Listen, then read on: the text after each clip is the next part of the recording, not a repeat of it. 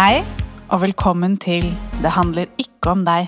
Podkasten for deg som elsker å senke stemmen og gi en logisk og rasjonell forklaring på hvorfor Harald Eia bør holde kjeft. Og vi har hørt at hvis du ikke har noe pent å si, så ikke si noe i det hele tatt. Men en podkast funker dårlig uten lyd, og vi er sure, så å leve etter det rådet kan vi kanskje overlate til noen andre. Så derfor så, Der har vi på en måte motsagt at vi kommer til å være rasjonelle og logiske og sånn på med en gang, eller? Hvordan går det med deg? Er du i logisk og rasjonelt humør? Um, jeg pleier å skryte på meg at jeg alltid er liksom overveiende rasjonell. Men jeg vet ikke om det egentlig er sant. Jeg er litt usikker. Um, jeg har i hvert fall Jeg tror det, tror det at jeg er over Det at jeg, jeg mener at jeg selv er overveiende rasjonell, er fordi jeg forveksler det å eh, være rasjonell med å intellektualisere og rasjonalisere følelsene mine. Mm, kanskje det er flere som gjør det? Kan tenkes. Hvordan går det med deg? Um, vet du, jeg er i skikkelig råttent humør for tiden. Og så har jeg prøvd å finne ut hvorfor. Er det, eh, er det begynnende vinterdepresjon? Er det min vanlige depresjon? Er det PMS? Jeg tror det er kanskje en blanding av alle tre, men så har jeg også innsett at det er jo bare, det er bare folk.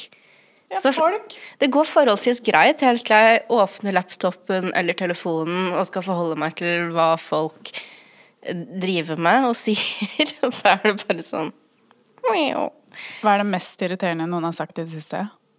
der er det veldig sterk konkurranse. Der jeg Åh, Jeg prøver egentlig å ikke tenke for mye på det. Jeg vil, det er oktober, jeg vil liksom vibe og drikke iskaffe før det blir for kaldt, og lage Roger Clay-TikToks. Men så må jeg forholde meg til sånn Å gud, ok, hvor skal vi begynne? Vi har politiet som tilbakeholder voldtektsstatistikk.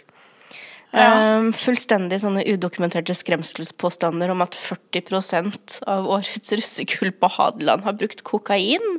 Ja!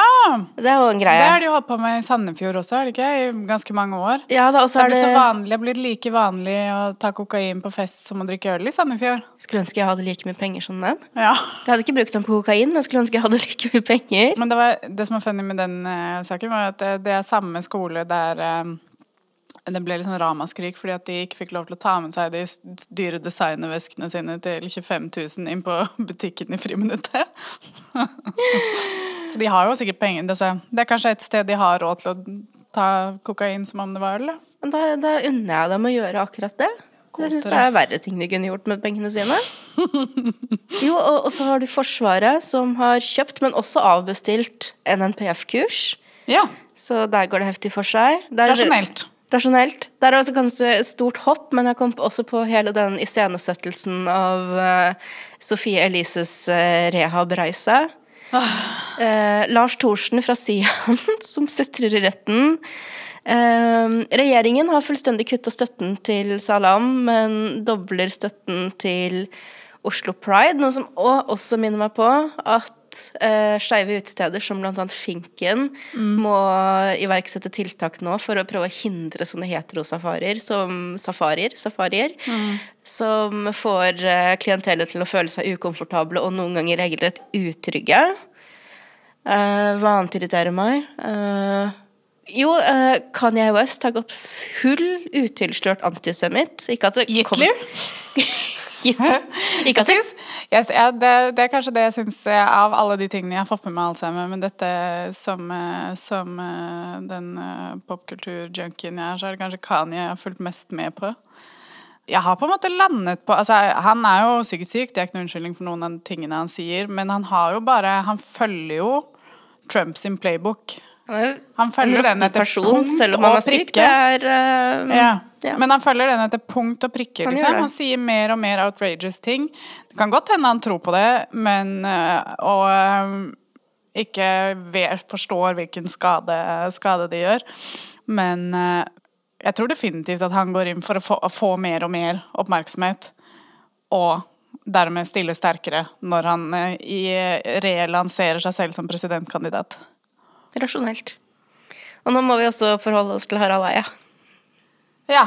Vi hadde tenkt å snakke om Roger Clay. Det hadde vært mye, mye hyggeligere. Fortell hvem Roger Clay er der, bare sånn for en sånn liten sånn soft, Soft. Sånn at ikke alt endelig har bare funnet, blir du har lyn endelig og funnet din nisje på TikTok. Ja, det er, jeg jeg følger jo med på TikTok. Jeg scroller TikTok, men så har jeg ikke posta. Men så dukka det opp en meme for ja, kanskje en måneds tid siden, så den lever jo litt på lånt tid. Det er ikke sånn da vi var unge. Da hadde vi to memes, og de varte i fem år. Du, du kunne ha cheeseburger, eller du kunne ha en O'Reilly-ugle, og det var Å, det, var alternativet du hadde. det var så deilig da vi lagde memes på, postet memes på Underskog. Ja. Så jeg tenker at bare det at jeg, en person i 30-årene, sitter og snakker om Roger Clay i podkast nå, betyr at dette er over.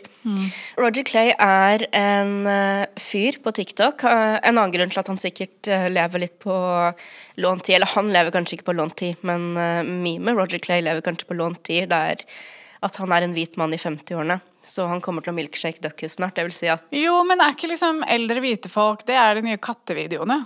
kanskje til nett så er det Jo, men det er igjen det er helt Men han er ikke pensjonert nok, tror jeg. Nei, men Det er helt til å komme frem noe sånn kjempeproblematisk. Da, noe sånn rasisme eller grooming eller uh, noe et eller annet sånn.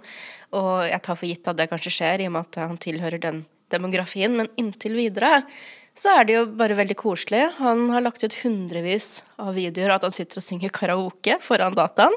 Og det er ikke noen spesielt god karaoke, det er ikke noen spesialeffekter eller noe sånt. noe. Det er bare Han tar requests, han synger alt. Du har de gamle klassikerne, Young Lean og Blade, og så alle de tingene. Altså det er et sånn ekstremt bredt utvalg.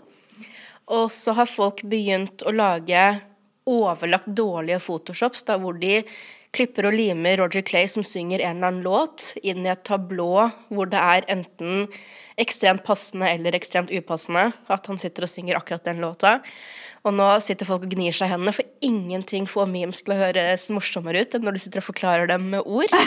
Da, da blir folk Mer sånn, meg, «Åh, mer. Det, det her høres så Jeg gjør dette egentlig bare for å hovere. Bare at jeg ikke, ikke, ikke er den som sitter og forklarer memesene dine.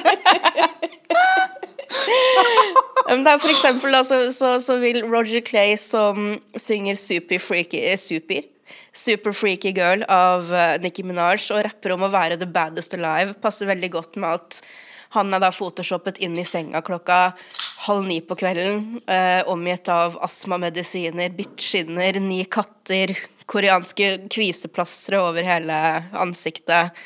Og jeg syns, dette er fryktelig festlig, da, så jeg begynte selv. Eh, og har liksom kost meg med det. Min eneste utfordring er at jeg skal prøve å tilpasse meg et litt yngre publikum. Fordi ja, publikummet på TikTok er litt yngre. Ja. Og hvis jeg skal poste ting som, som er sånn relaterbart for meg, så ville det vært Gammel røy. Gammel røy. Roger Clay som synger 'Smooth Operator' av Sade og ser sånn lengtende på et mormonelaken med et lite hull fordi kjæresten har vært on fire i bystyremøte i kveld. Jeg tror bare du er for avansert sånn, for de fleste.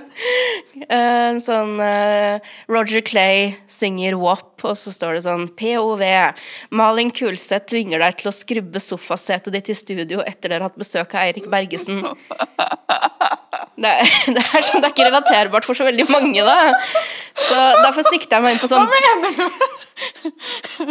Tror du ikke det er mange Nei, uff. Skal, vi trenger å gå mer inn på det. Nei, vi, vi går videre. Nei da, men det jeg prøver da, det er at jeg tilpasser meg sånn de verste minnene alle har fra 20-årene. Sitte og være så desperate til å ligge at du nasjer på det skitneste gulvet du har sett i hele ditt liv hos en fyr som serverer Våkne deg på en madrass under et kjøkkenbord. Ja, som serverer deg seidel og tre, gammel, tre dager gammel Grandiosa.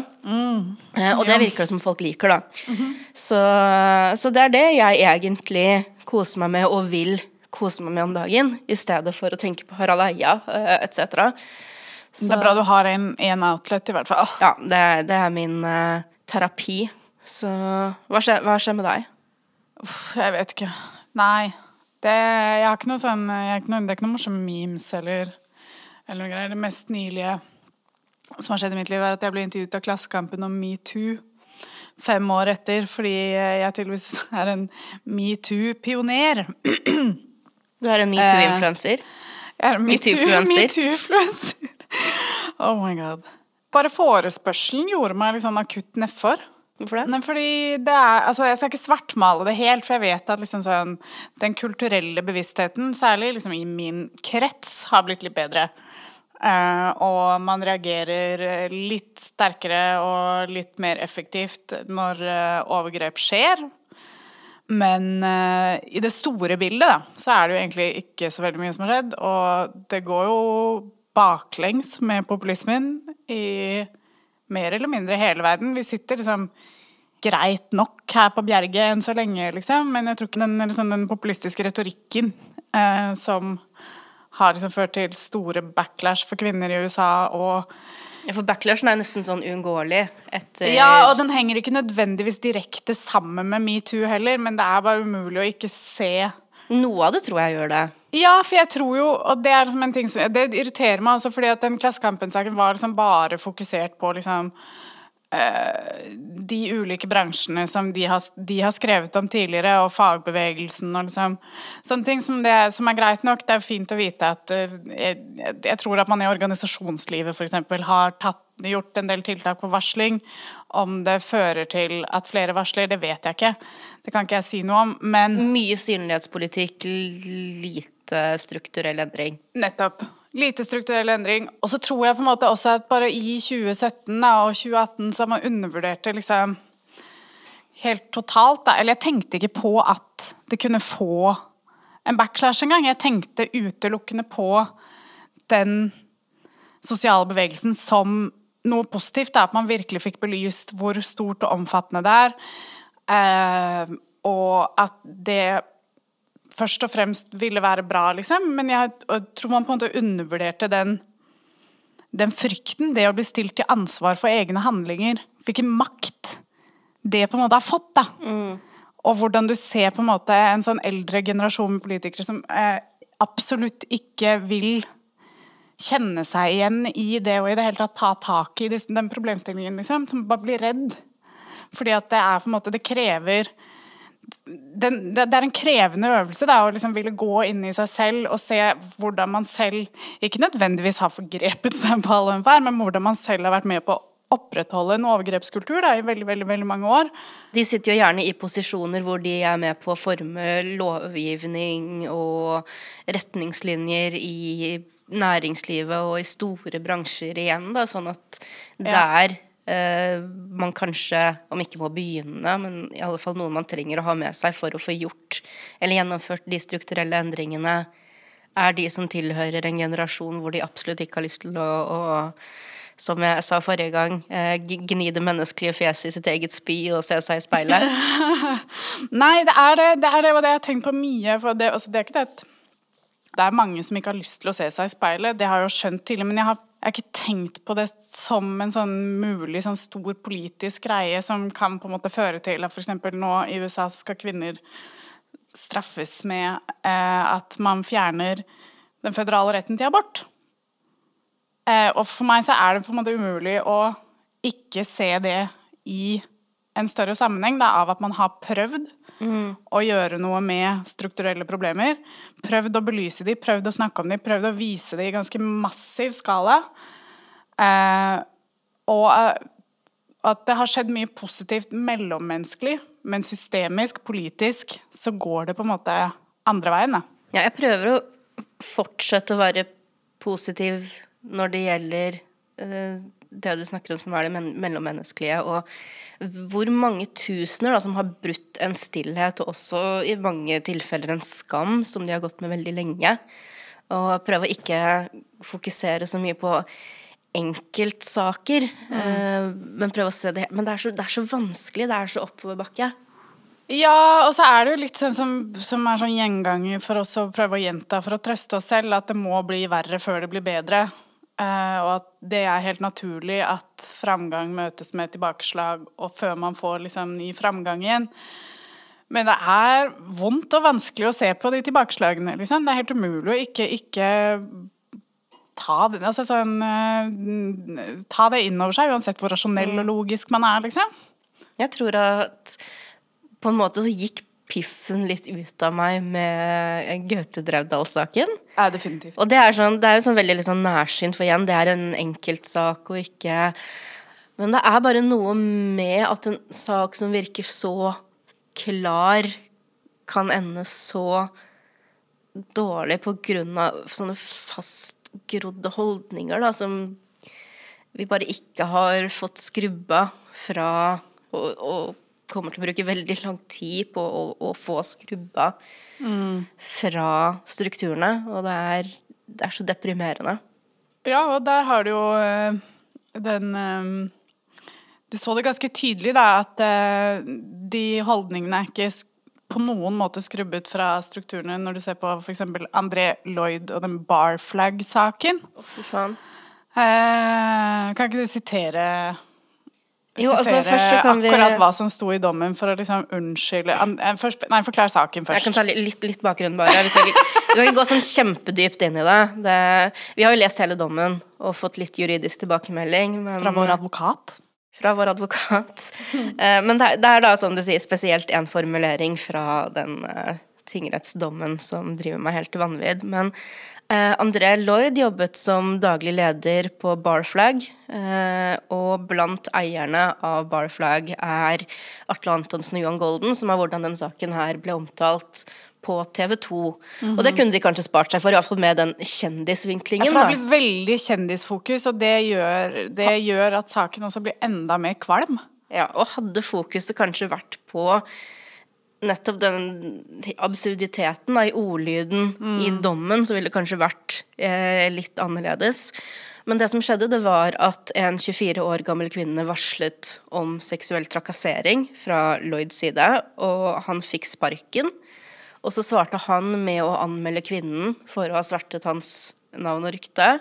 Og så anmeldte han, at, anmeldte han Atle Antonsen for å ha dytta ham inn i et bord. Det her var en episode som skjedde mellom dem mange måneder tidligere og var urelatert.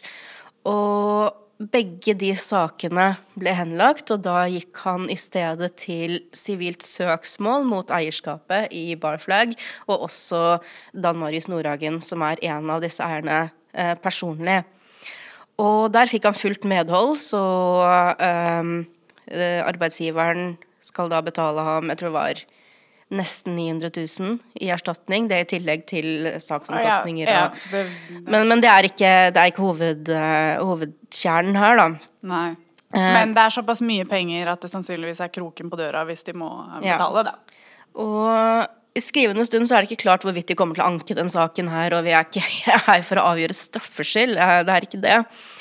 Um, men Men det er vel ikke en straffesak heller? Eller? Nei, det er jo sivilt søksmål, Ja. og vi er ikke her for å avgjøre hvorvidt eh, André Lloyd har gjort eh, det han anklages for. Jeg tror 100% på den kvinnen. Det skal bare si. Jeg skal være med det, ærlig med det om det. eh, gjennomsiktig på akkurat det. Jeg har hørt ganske usympatiske historier om André Lloyd i ganske mange år. Det, er, eh, det er faktisk lov å si. Og det står jo også i artikkelen på TV 2 at også to andre kvinner fra tidligere arbeidsforhold eh, som sier de har blitt seksuelt trakassert av Lloyd, vitna i saken, men eh, eh, retten valgte å se bort fra det her, da. Retten finner det ikke bevist, og det er også en annen en formulering som eh, Når det gjelder de vitnene i den dommen, som er ganske spesiell. Eh, som eh, Der eh, dommeren hevder, eh, eller retten hevder, er det vel man sier det, at eh, vitnene virket prepp... At det var sånn prepping av vitner. Ja, jeg tror jeg har sitatet her. Um, Det skal man ha ganske godt belegg for å påstå. Retten har aldri opplevd lignende prepping av vitner og parter i en sivil sak. Forklaringene på saksøktesiden framsto svært tilpasset og koordinert for å styrke sin egen sak. Er ikke det poenget med et forsvar, er ikke, eller en forsvarsstrategi? At man koordinerer for å styrke saken sin? Ja, det, det er jeg, jeg trodde det. Jeg trodde det. Tydeligvis ikke. Det skal tydeligvis være litt sånn willy-nilly og slengt sammen og tilfeldig. Jeg vet ikke. Jeg skjønner, jeg skjønner ikke. Jeg det, synes det, det, er, det er veldig merkelig. Men det som virkelig får meg til å tenne på alle plugger, det er eh, følgende sitat. Ut fra bevisførselen er rettens inntrykk at Lloyd som en røff, direkte type med mange års erfaring fra barbransjen, som har litt cowboyhumor slash god gammeldags underbuksehumor, og er fysisk i sin kontakt med andre uten at det ligger noe mer i det. Det står også Hvordan avgjør man det? Og så er det også, Han hadde en tendens til å legge hånden på låret slash kneet til jenter, og at han hadde en ironisk humor og var påvirket av alkohol denne kvelden. Men kanskje André Lloyd i første omgang skal slutte å legge hår, hånda på låret til unge jenter? Det er bare sånn Who Kan the fuck starte der? cares Ja. hva hans sans for humor Ja, er? Underbuksehumor, er cowboyhumor! i en rettslig dom. Det er tingretten som skriver det her, og jeg skjønner at de sikkert parafraserer ting som har blitt sagt under rettssaken, men det er fortsatt noe de vektlegger i dommen og ordlegger på akkurat den Måten. måten der. De Ja. unnskylder da ubehagelig oppførsel. Altså de, de sier jo selv at de ikke føler det har blitt eh, altså kvalifisert sannsynliggjort at han har seksuelt trakassert henne, men de anerkjenner jo at han har utøvd ubehagelig oppførsel ved å skrive at han har cowboyhumor og god gammeldags underbuksehumor. Altså for et Mad Men-ass-opplegg det her er. Jeg bare fatter ikke at det kan skje i uh, en, en rettssetting. Hvis du skal se det da i kontrast med dommen mot Bernt Hulsker, som eh, Ja. Ja, for han er dømt til 18 dager betinga fengsel for hatefulle ytringer, og i den dommen står det eh, den faktiske situasjonen er at tiltalte er full og befinner seg i en utkastelsessituasjon. At tiltalte i en slik utkastelsessituasjon eh, forsøker å være morsom på dørvaktens bekostning ved å si N-ordet, og henvise til egen hudfarge som hvit mann er på ingen måte morsomt. Det endrer derfor heller ikke konteksten uttalelsen skjer i til det bedre, men heller tvert om. Nettopp. Her, det, ja, nå kan man jo ikke, De sakene ligner jo ikke på hverandre i det hele tatt, Altså man kan liksom ikke stille de opp, opp mot hverandre, men det er bare noe med det prinsipielle som Ja, er altså, så fullstendig motsatt. Ja, hvordan retten da stiller seg til påstanden om at dette var bare humor. På den måten så syns jeg disse tilfellene kan sammenlignes. At det, I denne konteksten så gjør det det ikke bedre. Din intensjon Kanskje den var velment. Jeg, jeg tror, altså igjen, jeg trenger ikke å forholde meg til eh, VVP noe mer enn jeg kan si at jeg tror ikke det var Lloyds intensjon å være velmenende, men selv om det var det, så vil Vi har heldigvis ikke noen redaktør. Nei. Mange vil mene at det er et problem. om det så hadde vært velment, så, så er det irrelevant, da. Fordi det det handler om, er hvordan dette oppleves for motparten. Og det er den mentaliteten som utvises i dommen mot Lloyd, at jeg kanskje hadde håpa at skulle bli litt snudd om på med metoo. Når skal det slutte å være kvinners problem at noen menn ikke klarer å lese sosiale situasjoner, har elendig humor, tar seg til rette, bevæpner seg med hjelpeløshet og bruker liksom sin alder og samfunnsutviklingen som unnskyldning, da, når Ja. man kanskje eh, vil tro at aldring skal du bruke til å bli klokere, ikke, ikke dummere. Og det kan godt hende at den saken her ankes, og at han fortsatt får medhold fordi Bar Flag eh, ikke forholdt seg til arbeidsmiljøloven på den måten nei, de behandla saken. Ja, for det er jo det det er liksom En faktor er jo at han har fått rettens sympati, hvilket fremstår veldig rart for oss. Eh, men så er det jo også noe med at arbeidsgiverne hans rota det noe grasa til når de handlet veldig fort på følelser, eh, og ikke gjorde ting i riktig rekkefølge. Mm. Men, eh, men det er fortsatt eh, jeg- Det forklarer bare- fortsatt ikke ordlyden i dommen! Nei, det er akkurat det. La oss si, da. Altså, det er noe drit hvis det de anker, og at eh, måten, måten bareierne har gått frem på, gjør at Lloyd fortsatt får medhold. Men jeg orker faktisk ikke å høre at Den jævla underbuksehumor. Han han har underbuksehumor. Nei. Og så har du André Lloyds advokat Ingvild Oppøyen, som eh, lirer av seg det her. Jeg er overbevist om at arbeidsgiver med sine kjente eiere fant det viktig å demonstrere utad at de støtter opp om metoo, og at de tror på en kvinne som hevder seg utsatt for seksuell trakassering. Å, fy faen. Så da prøver hun da å redusere det til symbolpolitikk. At Ja. arbeidsgiverne faktisk støtter denne kvinnen, da. Og la meg igjen si, uprofesjonell som jeg er, at det, den støtten baserer de kanskje også antagelig på langt mer de vet som ikke kan brukes som bevisførsel i retten av Ja. diverse årsaker. Eh, En annen ting som eh, Ingvild Oppøyen sier, er at denne saken er et prakteksemplar på det hun beskriver som en bekymringsfull utvikling. Ja! Menn blir ikke tatt på alvor, mens kvinner blir tatt alvorlig. Etter metoo fremstår en kvinne som sannferdig i kraft av sin skyldning. Det holder å si det, uavhengig av bevis, sier hun. Og det her har vi hørt en milliard ganger, og ekstra mye etter uh, metoo, til tross for at veldig mange verken tør eller orker å anmelde i utgangspunktet. Anmeldelser blir nesten automatisk henlagt. De Hva var det André Lloyd sa da? Jeg skjønner ikke hvorfor det å ha kvinner på besøk alltid skal seksualiseres. Ikke seksualiser det ved å sextrakassere dem, da. Og kommentarfeltet da på den saken, det så selvfølgelig ut sånn som du kan forvente at eh, det gjorde, og var en helt enorm merbelastning for den aktuelle kvinnen. Ja, det kan jeg tenke meg. Tror du Ingvild eh, Oppøyen får betalt per trinn på stigen hun trekker opp etter seg?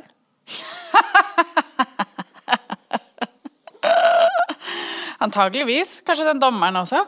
Kanskje det? Det var en kvinnelig dommer, var det ikke? Altså, jeg tror to av tre dommere var kvinner. Ja. Jeg, men altså, jeg skal ikke, ikke sitere meg på det. For det Nei, men det var én. Altså, jeg, var det nå husker jeg ikke husker, Jeg husker ikke helt hvordan sånne ting fungerer, men det var i hvert fall eh, en, av, en av de som var kvinner.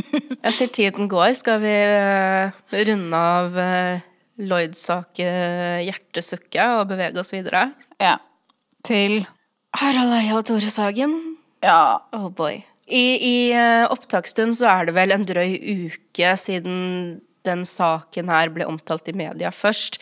Så som aktualitet kan du kanskje si at den er litt datert, men det er jo et tema som er veldig relevant og viktig å snakke om Ja. uansett når. ja, skal vi bare gyve løs på Harald og Tores podkast?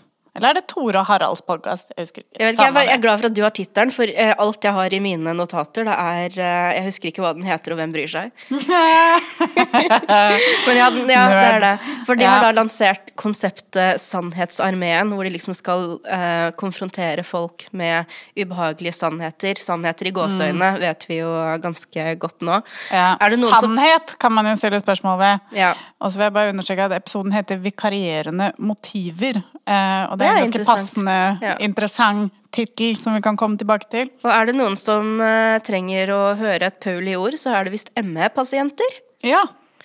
Fordi Eia han forteller at uh, er det noe han liker å få, så er det innsidekunnskap fra folk som kan ting. Og i det tilfellet her er det leger. Premisset er da at Harald vil at Tore skal være hans uh, fotsoldat og stille en ME-pasient til veggs. Basert på fem sider research som Harald har gitt ham, fordi Harald blir så oppspilt hver gang han snakker med leger, og de legene demper stemmen og forteller ham om kontroversielle ting som ingen tør å snakke om i Norge. Men Harald, han tør. Eller han sier vel faktisk også at han er for feig, og at det er derfor han sender ut Tore, men jeg vet ikke helt, ja. Hvem som er feig og hvem som er modig i denne situasjonen. Kanskje ingen er noen av delene. Jeg jeg vil si Frøydis Lilledalen, som de ringer, er ganske modig. Ja, hun er ganske modig. Det skal bare sies eh, aller først da, at eh, hun, eh, altså hun er både MS-syk selv, og så er hun eh, tidligere psykologspesialist. Og hun Forfatter. Ja, og forfatter. Og hun svarer jo veldig eh, godt for seg. Ja, det er Men hun har nesten ikke pinlig. Altså Hun har jo ikke fått vite på forhånd hva det her egentlig gjelder. De har spurt om det. De kan stille noen vanskelige spørsmål om ME, og det svarer Ja. hun at det, ja, for det, det var jo sånn vi kom over denne saken, var jo at Frøydis Lilledalen skrev et eh, innlegg på Facebook om at hun rett og slett ble ganske hjerteknust fordi hun fikk det solgt inn som ja, Mm. Ja, som rett og slett at hun bare skulle svare på noen spørsmål uten å få vite noe om hvordan de skulle pakke det inn. Og den innpakningen var jo da at ME-pasienter lyver. Eh, ikke evner å forstå selv at de kanskje bare har litt ekteskapsproblemer, eller Nei, har de har lite emosjonell eh, innsikt eller Ja. lav mentaliseringsevne. Og Ja, at det det. ME er først og fremst et psykologisk fenomen, og at det Mm. de veldig sterke fysiske symptomene de får, er psykosomatiske. Altså rett og slett eh, eh, psykisk stress som manifesterer seg som Mm. fysiske symptomer, men de klarer rett og slett ikke selv å skjønne den sammenhengen. Nei, og det er jo den hemmeligheten da, som Ja. Harald uh, har avslørt, og som han vil fortelle. Uh, og så er jo den hemmeligheten som ingen har fortalt til Harald før han gjorde dette, at de, uh, Verdens helseorganisasjon har for lenge siden gått vekk fra den forklaringen, som er uprøvd. Eh, Og Lilledal hun svarer jo ekstremt godt på det her. Det er veldig åpenbart at det, det her er påstander og spørsmål som ikke bare hun, men sikkert eh, omtrent alle andre ME-pasienter noensinne har fått tusen ganger før. Eh, og de bruker masse tid og energi de ikke har på å prøve å opplyse folk om ME og motarbeide skadelige misoppfatninger. Får selvfølgelig masse backlash for det, og det tror jeg de kommer til å snakke litt mer om eh, senere. Og det er enda en ting med den greia hvor de skal da stille ME-pasienter noen vanskelige spørsmål. Eh, og de spørsmålene her, de blir stilt hele tiden. Det er Ja. ingen som ikke tør Nei.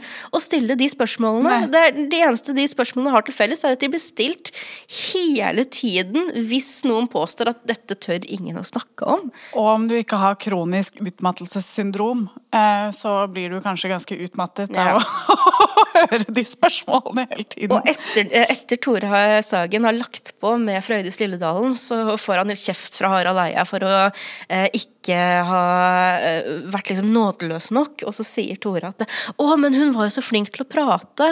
Og jeg synes at, synes at det er veldig talende, da, for at de kanskje hadde forventa eller ønska at de kanskje ikke skulle få så mye motstand fra Eller at de bare trodde på de altså Det viser jo bare at de har gått blindt inn i feilaktig research, og så blir de møtt med de riktige svarene. Men, men, eh, men, eh, men, og, men eh, Harald, Harald beskriver det som at Tore han feiget ut, da, fordi han, han turte ikke å stille de spørsmålene fordi han fikk sympati for denne damen. Gud Det var ikke det at hun svarte så jævlig godt for seg, det var bare det at Tore ble grepet av en plutselig sympati. Blemmet av følelser. Ja. Jeg har på, jeg har hørt på neste episode av denne podkasten hvor Tore roser Harald for det jeg tror han kaller en eh, kompromissløs jakt på sannheten. Oh my god. Ja. For det, Men det eneste de oppnådde, da, det var jo eh, å spre stigmatiserende løgner til et ganske betydelig publikum. jeg vil tro at det er et publikum som elsker sånne her greier. Ja, sånn som, det- Akkurat sånn som at Eia sier, han elsker når det er liksom kontrovers. Og så er det bare sånn Ja, men det er en tilbakevist kontrovers. Mm.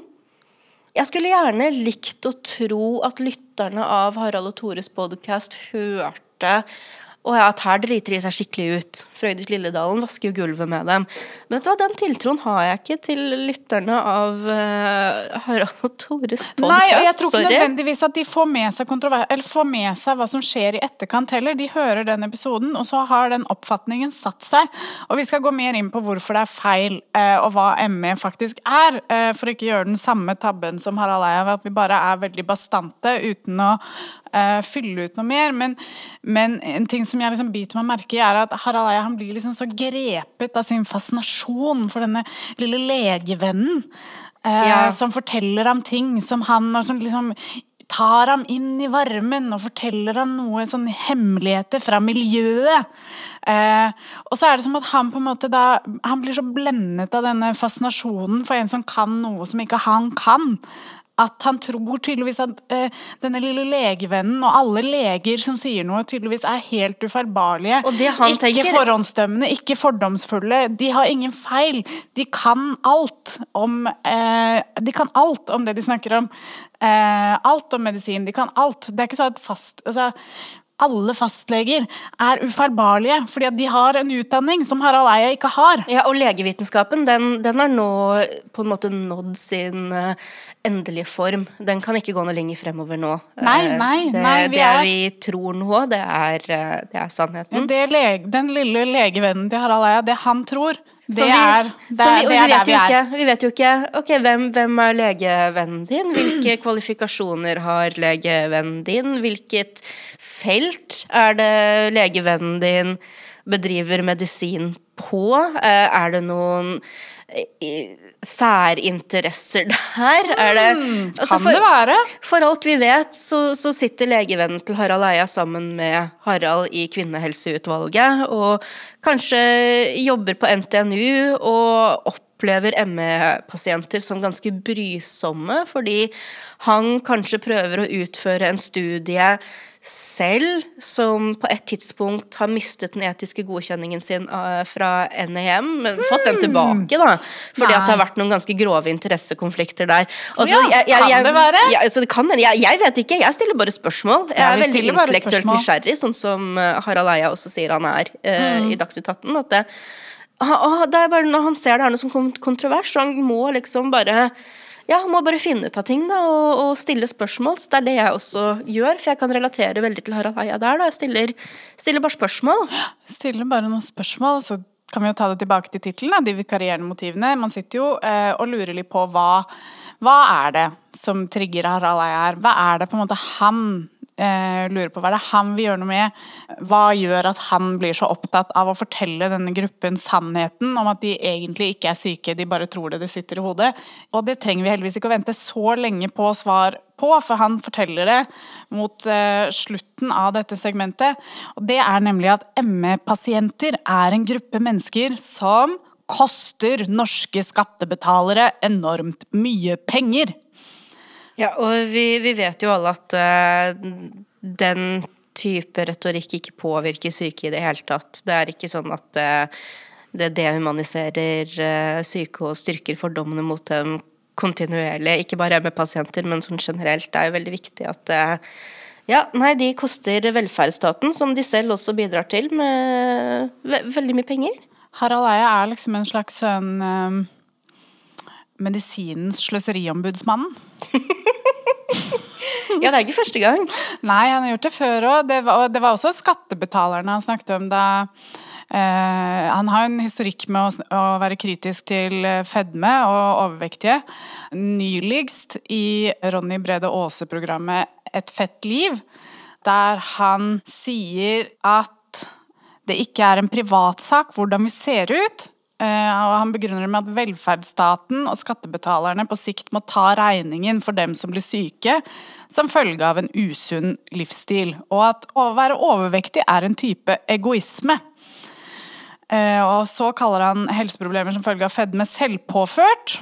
Og ironiserer vekk Brede Aases spørsmål om ikke overvekt er en sykdom, som det er klassifisert som. Ja, en veldig sånn kompleks sykdom med kompleks bakgrunn og Ja. årsakssammenhenger og Ikke psykiatri og alt, mulig sånn. Det er ikke så veldig Og på den kritikken, bare for å ha, være ryddig, så har Harald Eia da svart at eh, hvis det ikke hadde vært for at han liksom skulle få litt sånn fart i programmet, og bidra til eh, drama, god dramaturgi i et TV-program, som i seg selv er problematisk nok, eh, så hadde han ikke sagt eh, Han hadde ikke formulert seg sånn. Nei, og det er en annen ting også, for jeg sa jo at jeg hørte på den eh, nye eh, episoden av Tore og Haralds podkast, Mhm. hvor de har snakket litt om kritikken de har fått og sånn. Og så sier Harald at når han får veldig krass kritikk, så blir han midlertidig litt sånn mildere og eh, nesten litt sånn ydmyk og, og, og Sånn som han var på dagsatten? sånn som han var på der han bare var helt famlende og ikke hadde noe å melde. Men han sier det er, det er heldigvis da, så er det forbigående, for det er ingen som er interessert i den milde versjonen av ham. Nei. Så allerede der så innrømmer jo han jo at det kanskje ikke er så mye en kompromissløs jakt på sannheten som det er en kompromissløs jakt på å være mest mulig polemisk. For å tjene penger på det? mulig- ja. Mm -hmm. så, som jo er eh, en måte du kan eh, hevde at du egentlig bare er veldig rasjonell. Ja, det er veldig Det er, det, er, det er bare rasjonalitet. Det er, det, er ikke, det er ikke noe følelsesbasert, det er ikke noe subjektivt. Det her er bare sannheten, da. Mm. Så ja, det bare minner meg om det. Ja, han famlet ganske fælt på, på Dags 18. Det var ganske pinlig å se på. eh, og det virker, det virker på en måte som han ikke egentlig har satt seg noe særlig inn eh, i hva ME faktisk er. eh, selv om han har femsidig research, eh, kritisk research som han har gitt til Tore. Men kanskje vi skal snakke litt om hva ME faktisk er. La oss gjøre det. Eh, diagnosen kronisk utmattelsessyndrom. Den har ME, står for noe annet som jeg ikke klarer å uttale, så det, de som er interessert i det, får google litt. Um, den, eh, men diagnosen kronisk utmattelsessyndrom har i likhet med mange andre diagnosenavn, som f.eks. ADHD, et litt uheldig navn, som gjør at man kan tenke at det bare handler om utmattelse, og ikke f.eks. fysiske smerter, som de fleste opplever. Eh, og ME må da ikke forveksles med kronisk utmattelse alene, fordi kronisk utmattelse er et symptom på mange ulike sykdommer, eh, mens ME er en livslang og svekkende sykdom. Eh, og det er veldig mye feildiagnosering bare på, basert på navnet, og pga. lav kunnskap. Det er veldig mange som blir diagnosert med ME som kanskje egentlig har andre lidelser. Eh, og det er veldig mange med ME som ikke blir diagnosert som resultat av manglende kunnskap eller manglende tilgang på Ja, og veldig standardisert eh, sånn kravmessig. Og så har du de som kanskje får en ME-diagnose uten å ha ME fordi at et av symptomene deres er kronisk utmattelse, som får tilbud om psykologisk basert eh, em, behandling, som det kanskje funker for. Og så tar man det til inntekt for at å ja, vi ser at ME kan eh, kureres med kognitiv atferdsterapi. Ja, ok. Og så har du òg kanskje leger som har Nav klorende på døra fordi at pasienten er ikke ferdig avklart innen eh, Herregud, hva er det de har skrinka inn eh, AAP-tiden til nå? Er det et par år eller noe. Veldig vanskelig å diagnosere, ikke bare ME, men enormt mange sykdommer. Så pasienten trenger en diagnose. De vet ikke hva som er feil. Men å, pasienten har bl.a. kronisk utmattelse, og da sier vi ME fordi pasienten har ikke godt av å bli kasta på sosialen. Eh, som Det er jo en episode i seg selv også, at eh, du har det derre Karen-såret og all, all den dritten der, da. Men det er et sånn veldig sånn komplekst system med diagnosering og symptomer og drit. Og eh, eh, en av hovedkarakteristikkene til ME er det som heter abnormalt forsinket muskelrestitusjon. Som betyr at etter å ha gjort helt enkle ting, som f.eks. å ta en dusj, så eh, kan mange ME-pasienter oppleve at de er sengeliggende i flere dager og ikke klarer å hente seg inn. Sykdommen er klassifisert som en ne nevrologisk eh, sykdom. Ja, en multisystemisk, kronisk, somatisk sykdom.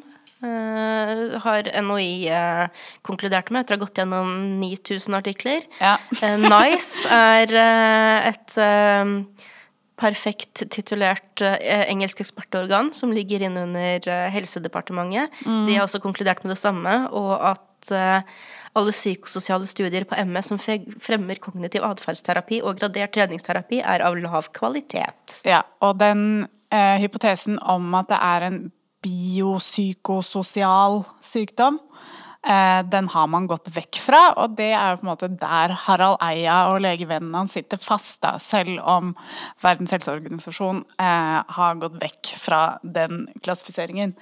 Um, og oppfatningen om at ME egentlig er noe psykologisk, eh, som eh, Eia antyder, eh, oppsto på 80-tallet og har vært en utfordring for hele ME-feltet siden, og har opphav hos en britisk psykiater eh, ved navn Simon Wesley. Her kommer en liten anekdote da, fra den kanadiske legen og ME-eksperten Byron Hyde, eh, som fortalte om en gang eh, Simon Wesley holdt foredrag ved et eh, universitet i British Columbia. Som var veldig underholdende, veldig artig. Sikkert, eh, sikkert hadde publikum i sin hule hånd, sånn som Harald Eia har når han lager sånn powerpoint-presentasjonsprogrammer på NRK. Eh, og det var hundrevis av leger som lo og koste seg under foredraget, der han sa ME and CFS are non-existent illnesses with no pathology whatsoever. There is no reason why they, they all cannot return to work tomorrow. Ja. Det hadde Simon Wesley bestemt seg for. Dagen etter så var Byron Hyde på hjemmebesøk hos en ME-pasient som var så dårlig at hun var sengeliggende store deler av dagen, som er ganske vanlig for ME-pasienter. Eh, og mens han var der, så fikk hun en telefon fra forsikringsselskapet sitt eh, om at leger ved et universitet i British Columbia har demonstrert at det ikke finnes noen psykologisk eller patologisk grunnlag for ME, og at hennes utbetalinger ville bli stoppet samme måned, og at hun må betale tilbake det hun hadde fått utbetalt frem til da. Det var altså under 24 timer etter det foredraget. Eh, og det hører også med til den historien at nevnte Wesley i sin tur til British Columbia eh, med stor sannsynlighet var betalt av forsikringsindustrien. En industri der tilliten ikke akkurat er kjent for å være så veldig høy, nettopp fordi de lever av å betale så lite penger som mulig til klientene sine.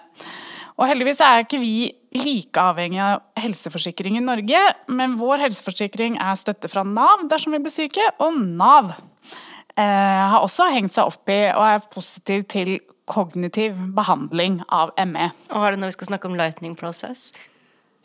Altså det, er, det, er, Det er ikke bare et kapittel for seg, men en bok for seg i, i, i historien om ME. Det er jo et Ja, nei, det er mye Det er et tredagers kurs, et sånn tenk deg frisk-kurs ja. med Som baserer seg på det positiv psykologi og kognitiv behandling. Um, bare for å forklare liksom, hvorfor det er så altså Det man mener, da, som er som grunnen til at man behandler ME-pasienter med det, er jo at det sitter i hodet, og at man da liksom, med kognitiv behandling skal kunne liksom overbevise dem om å endre tankemønster. Uh, og dermed tenke seg friske. Forestill deg at du er syk, og så sender Nav deg på Märtha Louises engleskole. Ja, omtrent sånn er det.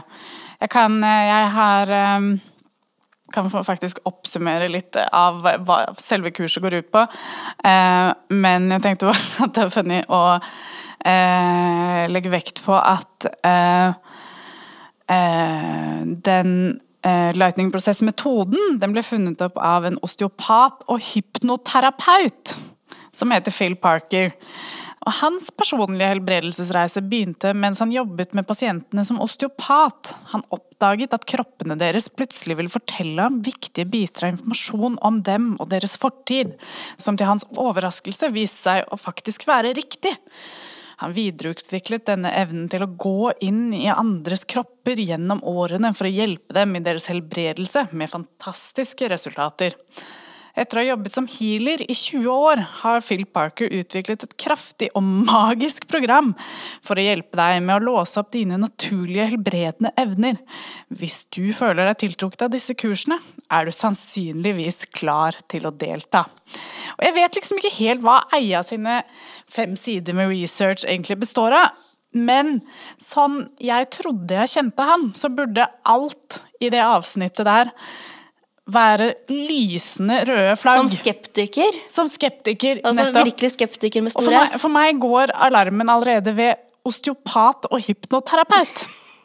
Vet du hva, Det minner meg på enda en, en ting. Det er litt på siden, da, men i eh, den andre episoden, eller andre episoden, den nyeste episoden uh, av Harald og Tores podkast, så går de vekk fra å eh, ringe en samisk person og konfrontere henne med uh, Artikkelen 'Samer og vold'. Vold.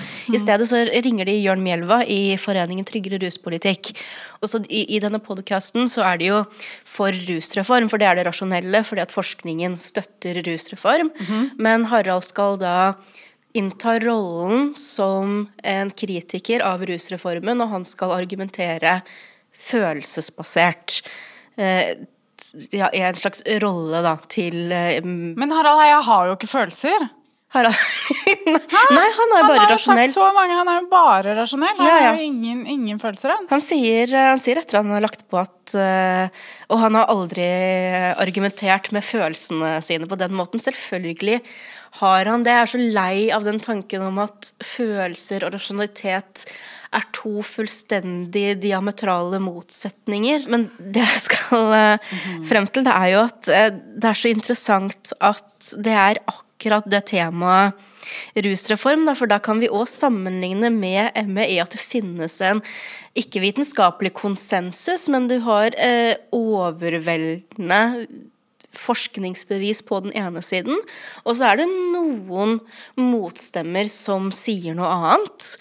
Men jeg ser jo ikke da Harald Eia og Tore Sagen var sånn Å, dette, dette er spennende, vi må se på disse Motstemmene. motstemmene. Eh, og også Hvorfor, hvorfor, ja, hvorfor, de setter seg ikke inn i liksom, NNPF-argumenter, de bare argumenterer eh, emosjonelt. Ja, og så er det jo også det at eh, også når det gjelder rusreform og rusaktivister, der også er det jo enkeltindivider som kan gå altfor langt, men vi fordømmer ikke hele bevegelsen av den grunn, eller eh, liksom tillegger alle eh, den mentaliteten, da, fordi at noen kanskje er veldig mye. Så det er, det er noen sånne paralleller her hvor uh, de bare legger seg på to vidt forskjellige linjer.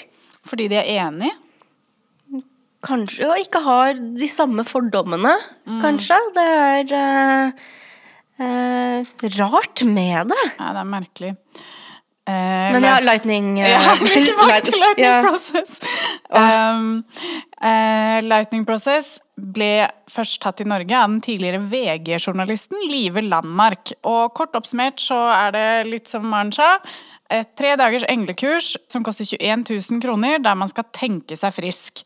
Jeg skal bare gå kjapt gjennom metoden, jeg. For den er ganske enkel. Eh, når symptomer eller tanker om symptomer dukker opp, skal du visualisere og gjøre noen enkle øvelser. Punktvis består metoden av fire trinn. Når symptomer kommer, skal du trå på et ark hvor det står 'stopp'. Deretter skal du trå på et ark hvor det står 'nå' slash 'valg'. Så skal du velge mellom et ark hvor det står 'grøfta', eller et ark hvor det står 'et liv du elsker'. Disse trinnene skal visualiseres hver gang du får symptomer eller har sykdomstanker. Det er alt, mer er det ikke. Og gjennom hele kurset så lærer man at du gjør ME, du har ikke ME. Og du kan velge om du vil fortsette å gjøre ME. Og man lærer også at man må tro på metoden for at den skal virke. Så blir man bedt om å kvitte seg med hjelpemidler, hvilestoler etc. Alt som assosieres med sykdom må fjernes fra livet. Det være seg mennesker eller gjenstander. Er det noen bjeller, er det noen alarmer som går her, liksom? Jeg blir sånn oppriktig litt trigga, for Det det, her er minner meg om de der sekt. syke sånne arbeidssøkerkurs som Ja. Nav sender her. folk på. Du skal kvitte deg, det være seg mennesker eller gjenstander, tanker eller følelser. Så du skal altså liksom separere deg fra ditt tidligere liv. Hva, hvem er det som holder på sånn? Det er sektledere. 100% sektledere. Man blir også frarådet å ha kontakt med andre syke, ME-nettverk og foreninger, og man får beskjed om å fortelle seg selv og omverdenen at man er frisk. Alt dette er nødvendig, ellers vil metoden ifølge kursholder ikke virke. Dette er psykopati. Dette er uh, egentlig en sånn playbook for voldelige forhold også. Hvordan du avskjærer folk og nettverk. Det er akkurat sånn, alle og... sånne greier. Hvordan du isolerer og manipulerer folk. Dette er sånn man gjør det, liksom. Og jeg snakka litt tidligere på Harald Eia i Kvinnehelseutvalget, og det, det vil jeg også raute litt om etterpå, men der sitter han jo da sammen med Leif Edward eh, Kinnair, som eh, har et forskningsprosjekt ved NTNU. Og han sier selv at det, han bryr seg ikke om Å nei, nei, eh, han bryr seg utfallet av pokker om det virker Men- men det om de Lightning Process funker eller ikke. Ja, det de, skal, det de skal forske på, da, det er jo hvordan eh, lightning process fungerer eller ikke fungerer på eh, ME-pasienter. Mm. Men problemet er at en av forskerne i denne studien er nettopp Live Landmark. Å ja! Ja. Mm. Har hun noen økonomiske interesser i at det skal funke? Overhodet ikke. Og det er ikke, det er ikke uvanlig at forskere har visse økonomiske interesser i prosjektene de er i, da, men her var det i så mange ledd eh, ting som Live Landmark kunne påvirke etter eget forgodtbefinnende, at eh, NIM, som eh, er den nasjonale forskningsetiske komité for medisin og helsefag, satte en stopper for det her, og så har da prosjektet gjort endringer som har gjort at de nå eh, har fått eh, den etiske godkjenningen tilbake. Det var ikke, det var ikke konsensus i NEM, det var eh, et mindretall som fortsatt eh, stemte imot mm. denne studien. Og ME-foreningen er selv ikke fornøyd. De sier at de kan ikke se at endringene som har blitt gjort, egentlig er så vesentlige, da, eller forhindrer det vil altså kalle korrupsjon av eh, studien eh, via Liv Landmark. Men igjen, de får ikke, de får ikke klage på dette her eh, nå, men det her har vært en pågående sak for de som ikke er kjent med det her i det i hele tatt. Men selve lightning process-metoden vil jeg bare si er problematisk nok i seg selv. Altså, den er bananas. Ja, den er helt bananas. Og metoden kombinert med at man Det er internasjonal konsensus om at man går vekk fra at ME er noe man kan tenke seg frisk av, så er det veldig det er- rart at det er dette man insisterer på å forske på. fordi at eh, Noe av problemet på hele ME-feltet er jo at ja, det stemmer det Harald Eia sier med at dette koster skattebetalerne mange penger, men det eh, bevilges heller ikke støtte som samsvarer med hvor mye penger dette koster velferdsstaten til forskning på ME. Altså sykdommen ME, årsaker og eventuelle måter å bli frisk på. Det funnene man gjør er nesten litt sånn tilfeldige, sånn som kreftpasienter som har hatt ME, som har rapportert at de har blitt friske av cellegift. Ja, og det utforsker de jo på, på Haukeland nå, for det, de har veldig mange eksempler på det. Man kan ikke få cellegiftbehandling som ME-pasient, men altså, som, eh, som du sier, så har ME-pasienter som også har fått kreft og fått cellebehandling, opplevd eh, bedring i, symptombildet eh, når det gjelder ME. Og her skal det jo også nevnes at eh, kreftpasienter uten ME som mottar cellegiftbehandling, det er ikke noe de vil gå gjennom. Det er kjempehardt. Så det sier jo litt da om symptomtrykket fra ME når det, det å motta cellegiftbehandling er en lettelse. Og det er jo en annen ting som jeg eh, blir fullstendig tasmansk av når eh, Tore Sagen snakker med eh, Frøydis Lilledalen, for hun snakker jo da om at eh, hun trodde hun visste hva smerter var, for hun hadde jo født tre barn tidligere, men Ganske smertefull opplevelse. Ja, du kan sikkert bekrefte det. Men det var sånn, da hun var langtidsinnlagt på Ullevål for ME, det var en smerte helt ut av en annen verden. Og her har du da en kvinne som er Hun er veltalende, og hun er oppegående, hun er godt utdanna. Ikke at du skulle trenge å være godt utdanna for å bli tatt på alvor, da, men som eh, en person som skal egenrapportere, så er hun jo veldig godt kvalifisert, og likevel så sitter da folk som Harald Eia der, og, og, og trekker dette i tvil og infantiliserer henne og, og gassbelyser henne, og det Det gjør meg Ja. skikkelig sur. Ja, det er veldig provoserende. Og så er det bare dette med liksom at det er den eh, lightning process-metoden man skal forske på, syns jeg også er ganske vanskelig. For det, på slutten, altså siste kursdagen, eh, så skriver man under på at man er frisk. Et av spørsmålene på skjemaene er, er du, har du ME, og da skal man svare nei. Eh, og hvordan kan man da gjøre liksom, en kvalitativ studie? Fordi du Du skal vurdere eh, pasienter som har fått beskjed om Eller de har blitt manipulert til å si at de er friske. Eh, og det finnes veldig, veldig mange historier eh, fra pasienter som som eh, har tatt dette kurset, som absolutt ikke har blitt friske. Det finnes også mange som har blitt friske, men bare med det lille jeg har lært om ME den siste uken, så vil jeg jo tro at det er ganske stor sannsynlighet for at de som har blitt friske, de har kanskje ikke ME. Nei, og det er Eh, igjen nå det er, det det, finnes mange Når ja. sjaman Durek sier at han ble frisk fra covid pga. medaljongen sin, Eller klimaskeptikere sier at klimaendringer ikke er ekte. For det finnes enkelte forskere som ikke sier det. Ja. Jeg, jeg ser ikke samme engasjement fra Harald Eia og, og Tore Sagen i, i, sånne saker. Når man er så syk, da, man har jo lyst til å tro at man kan bli frisk. Man blir solgt inn en metode som skal funke. Eh, jeg leste en historie om en ganske ung jente som gikk på videregående, som hadde utrolig lyst til å tro at dette funket for henne. Og at det førte til at hun presset seg selv veldig, veldig hardt. Eh, og at det gikk flere år etter det kurset før hun på en måte innså at hun måtte tenke litt annerledes på det, og at hun ikke selv har skyld i sin egen sykdom. Som er på en måte det man, veldig mange sitter igjen med. Da, at når man får beskjed om at det sitter i hodet, eh, og man føler seg dårlig, så er jo det man i praksis får beskjed om at å ja, du er grunnen til at du er syk, det er din egen feil. Det er lettere å tro på enn man kanskje skulle tro, egentlig. fordi man får beskjed fra helsevesenet om at dette er den beste behandlingen for deg, dette kommer til å funke dette er bra, du har lyst til å tro på det, da sitter du også med en enorm skyldfølelse når du på en måte ikke føler deg frisk. Da. Du prøver å tenke deg vekk, du prøver å avvise alle sykdomssymptomer. Og denne tenåringsjenta hun presset seg veldig hardt på skolen. Eh, og det var ikke før etter noen år at hun liksom klarte å snakke med foreldrene sine, og de sa at men vi har aldri sett på deg som frisk, selv etter det kurset. Selv om du har på en måte prøvd det, så har vi aldri sett deg som frisk, fordi at du kommer hjem fra skolen, du sover hele ettermiddagen, hele kveld, helt til kvelden. Vi må bære deg ned trappa. Du svimer av. Altså, hun har jo ikke vært frisk, men hun har hatt så lyst til å tro på dette kurset det, at hun på en måte, det har tatt henne flere år å forstå at hun fortsatt har ME. Ja, og tenk så mange ME-pasienter som pusher seg til å gjøre ting de overhodet ikke er friske nok til, og får backlash for det. Da. Altså, på den ene siden så har det jo den fysiske effekten det har på dem, at de blir syke lenge. Men så er det også den derre sosiale ringvirkningen, da, hvor uh, sykdommer som er stort sett usynlige. Altså for, for mange med ME så, så, er det jo det. De er ikke synlige for andre.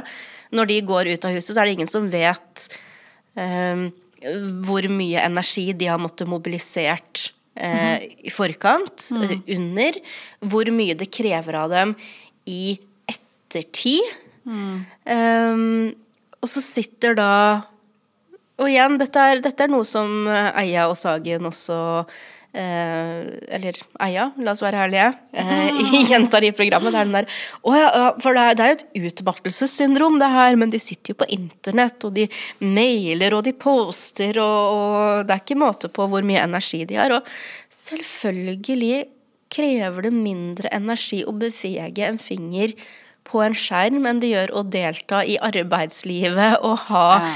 fritidsaktiviteter. Og sånn, noen med ME klarer ikke det. Eh, mm. Andre klarer det kanskje en dag iblant. Noen klarer kanskje å sende én mail og er fullstendig utslått i flere dager etterpå. Det er den der mistenkeliggjøringen her da, som de er med på å sementere, og det går jo utover veldig mange andre også, eh, psykisk syke, og, og, det er liksom de fordommene her da, som de bare virkelig kjører på med. De har ingen tanke om at når de tar på seg vadestøvler og boksehansker og astronautdrakt og bare vagger inn i porselensbutikken, så har det enkelte konsekvenser. For dem så er det bare et morsomt tankeeksperiment som de kan legge fra seg på slutten av dagen. For andre så er det her holdninger som påvirker hvordan de møtes sosialt, hvordan de møtes på jobb, hvis de klarer å jobbe i det hele tatt, i helsevesenet, på Nav. Jeg vet ingenting om hvordan det er å ha ME, men jeg vet hvordan det er å være utmatta, altså patologisk. Når du, når du er dritsliten etter verdens lengste arbeidsuke. Det er ikke det. Det er ikke engang når du møter veggen og må sykmeldes for en periode. Det er ikke det. Det er et helt annet nivå. Småbarnsforeldre elsker å si at 'å, du vet ikke hva det er å være sliten før du har hatt barn'. Småbarnsforeldre aner ikke hva det er å være sliten før de har opplevd den her typen utmattelse, da. Og hvis det da mm. også skal brukes mot deg de gangene du klarer å mobilisere litt styrke, eller egentlig ikke klarer det, men gjør det likevel, du kan bare ikke vinne I Dagsnytt 18 så sitter da Harald Eia og bruker sin intellektuelle nysgjerrighet eh, som et argument veldig mange ganger. Han klarer ikke å stikke nesa si borti bla, bla, bla. Men hvis han hadde vært intellektuelt nysgjerrig, så hadde han vært åpen for mot... Han ville faktisk lytta når han ble presentert med motargumenter. Han ville brukt vet ikke, kanskje en halvtime på å finne ut av de greiene her selv. Ja. Fordi de spørsmålene han bare stiller, de har svar. Han Ja, stiller ikke det er de spørsmålene ja. for å svare på dem, han stiller dem for å lage bråk og uro. ja. Fordi det er akkurat morsomt for ham. Ja, for det er gøy. Det er gøy for han. Det er kjempegøy. Og denne mannen har vi da i kvinnehelseutvalget. Ja. Og det har blitt kritisert tidligere også, lenge før det her. Eh, altså eh, utvalget i seg selv, de skal presentere en NOU neste år. At det er ganske lite relevant faglig kunnskap i den eh, eller i det utvalget fra før. Mye faglig kunnskap, men kanskje ikke relevant. Og så er det hvorfor, hvorfor er Harald Eia der? Er det Altså, det beste Fordi han elsker, han elsker å stille spørsmål. Ja, han elsker å stille spørsmål. Han Jeg så det var noen som sa han kan mye om kjønn. Han har skrevet noen bøker, men det, altså, det betyr ikke at han kan mye. Han pirker i overflaten av ting. Jeg husker Altså, han- jeg intervjuet ham fordi han kunne mye om kjønn en gang. Fordi han hadde sagt at han elsker å få øh, Han foretrekker øh, Eller intervjuet han, gjorde ikke. Han var med på et panel øh, som jeg hadde. Fordi han elsket Han skrev kronikk om at han elsker å få Menn elsker å få komplimenter fra andre menn. Eh, er det det Er det det? Er det liksom det han kan om kjønn? Ja, kanskje det. Altså, han, Han kan, han han kan noen, formidle ja, banal populærvitenskap. Sånne big five-greier, som er astrologi for Morgenbladet-abonnenter.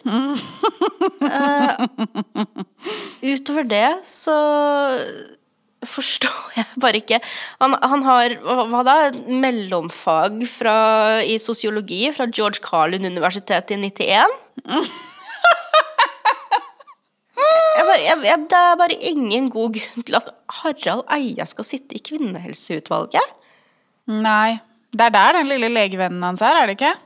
Ja, Det er vel det. Nei, altså, vi vet ikke at det er den lille legevennen hans. Vi stiller bare spørsmål. Vi stiller bare spørsmål. Ja, eh, det gjør vi faktisk. Er vi ferdige med å stille spørsmål, eller har vi noen flere spørsmål å stille? Jeg vet ikke om det er spørsmål, men det er bare noen sånne restekommentarer jeg, føler jeg har liggende i hodet. Men du må raute ut. Det, jeg må røyte ut, for det er eh, igjen altså, snakket da Tore Sagen om eh, Harald Eias kompromissløse jakt på sannhet. Ja. Og, og så er det jo en annen påstand da, når, når eh, Harald Eia skal eh, snakke om disse tingene som legen ikke tør å si høyt, og sånn innsideinformasjon og sånne ting. Og en av de tingene, det er at eh, eh, utenlandske menn fra, fra land uten gode velferdsordninger, de, eh, de klager og gjør seg til helt ekstremt mye når de kommer til legen, fordi der de kommer fra, så blir de bare sendt hjem for å pleies av familien når det eh, de ikke er alvorlig syke.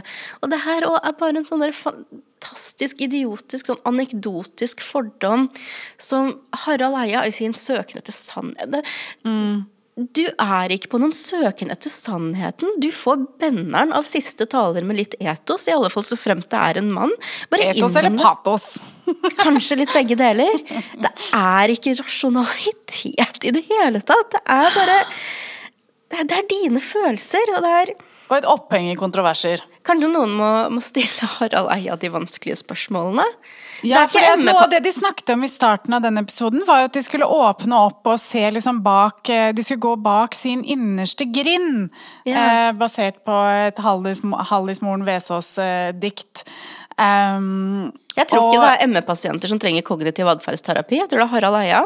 Ja, jeg tror Altså, at han trenger å åpne opp og se litt, se litt sånn grundigere bak sin innerste grind. Hva Er den påståtte rasjonaliteten til Harald Eia bare et intellektuelt alibi fordi han er ukomfortabel med både sine egne og andres følelser, og ønsker ikke å legge noe arbeid inn i personlig utvikling? Jeg bare stiller spørsmål. Du stiller meg spørsmål. Vi, neste gang er vi live fra Trondheim, så hvis du er i Trondheim 25. oktober, kom og se oss. Ja, kom og se oss. Eh, vi skal raute. Fri rauting. Eh, det blir en overraskelse hva vi skal snakke om. Um, enn så lenge så må du, må du, dere som ikke allerede har gjort det, gi oss fem stjerner på Spotify, iTunes, legg igjen en kommentar. Eh, abonner på oss på Patron hvis du eh, syns at eh, vi fortjener eh, litt betaling for det vi gjør. Eller vips meg på 954-83208. Snakkes! Ha det.